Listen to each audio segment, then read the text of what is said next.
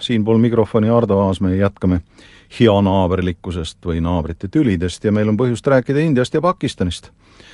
me oleme Euroopas harjunud sellega, et meil on mõned külmutatud konfliktid, mis siin kestavad paarkümmend aastat, on see siis Dnestri-äärne vabariik või või veel pikemat aega näiteks Põhja-Küprose küsimus või Abhaasia või, või siis Lõuna-Osseetia ja praegu siis ka Krimm siis tegelikult teatud mõttes on India-Pakistani suhted üks suur külmutatud konflikt, sest India ja Pakistan on omavahel pidanud päris mitu sõda, esimese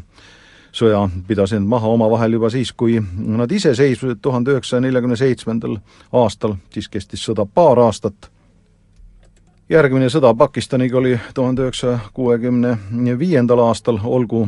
siinkohal nenditud, et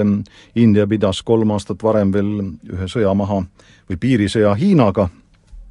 tuhande üheksasaja seitsmekümne esimesel aastal oli jälle nende vahel sõda, mille tulemuseks oli Ida-Pakistani iseseisvumine, mis on täna siis Bangladeshi riik. ja see on kaasa toonud riikide eraldumise, sest olgu öeldud, et eraldumisel võib olla poliitiline taust, aga võib olla ka igapäevane eraldumine igapäevase elu tasandil. Ja kui Indiat valitses Suurbritannia, siis ta arendas ju seda ala, tänast Pakistani, Bangladeshi ja Indiat kui teatud mõttes ühte tervikut või ühtset tervikut. Ja e, ka raudteevõrgu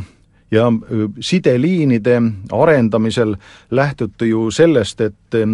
Inglise Indias oleks siis kõik suuremad keskused ühendatud. Ja seega näiteks niisugused suured keskused nagu Karachi ja Delhi, need olid ju mingil viisil omavahel ühendatud Bombay ja Karachi, kui aga tuhande üheksasaja neljakümne seitsmendal aastal eraldati India Pakistanist või vastupidi ja muudeti Briti dominioonideks, siis esialgu ei juhtunud justkui midagi, kui aga läks sõjaks, siis tulemuseks oli muidugi see, et raudteeühendused katkesid, sisuliselt tuhandete kilomeetrite pikkusel piiril. Lakkas eh, inimeste ja kaupade seaduslik liikumine kusagil tuhande üheksasaja viiekümnendal aastal, sest iseseisvuse algul ju teatavasti India ja Pakistani vahel hakkasid liikuma suured rahvamassid, toimus kas etniline usuline puhastus ja eh, moslemiusulised püüdsid siis leida uue elupaiga turvalises Pakistanis ja, ja hinduistid siis Indias. tulemus oli see, et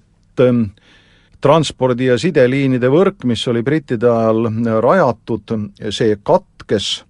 riigid hakkasid elama oma elu ja võib siis ette kujutada, et kui tuhande üheksasaja seitsmekümne teisel aastal see on siis kakskümmend viis aastat pärast iseseisvumist, õnnestus tööle panna reisirong, mis siis ähm, läks Indiast Pakistani. kui tuhande üheksasaja üheksakümne üheksandal aastal peeti suursündmuseks Delhi-Lahori bussiliini avamist, siis te võite isegi ette kujutada, kui eraldatud riigid teineteisest olid. ja tollel ajal, kui see avati, siis oli kogu kahe tuhande kilomeetrisel noh, piiril, täpsemalt seda piiri on rohkem kui kaks tuhat kilomeetrit, oli ainult üks piiripunkt, kus inimesed üle said ja kahe tuhande kolmandal aastal toimus siis suur sündmus Kashmiris, kus Srinagaris, see on siis India poolel, avati bussiliin, mis sõitis või ühendas seda linna Musharrafabadiga, see on siis teisel pool, see on siis Pakistani poolel, ja tänasel päeval võib öelda, et nende riikide vahel on vaid neli piiriületuspunkti. samal ajal aga tuhande üheksasaja neljakümne seitsmendast viiekümnenda aastani, kui ametlikku piiri ei olnud ja toimus suur rahvastevahetus, siis inimesed ületasid piiri nagu nad tahtsid, kuid sõjategevuse lõppemisega siis vaherahu joonel kehtestamisel ja, ja, ja siis selle hilisema piirina käsitlemise järel enam inimesed vabalt üle ei saanud. nii et ähm, India ja Pakistan on tegelikult mõlemad tuumariigid ja suurvõimud, mis paljuski näitab seda,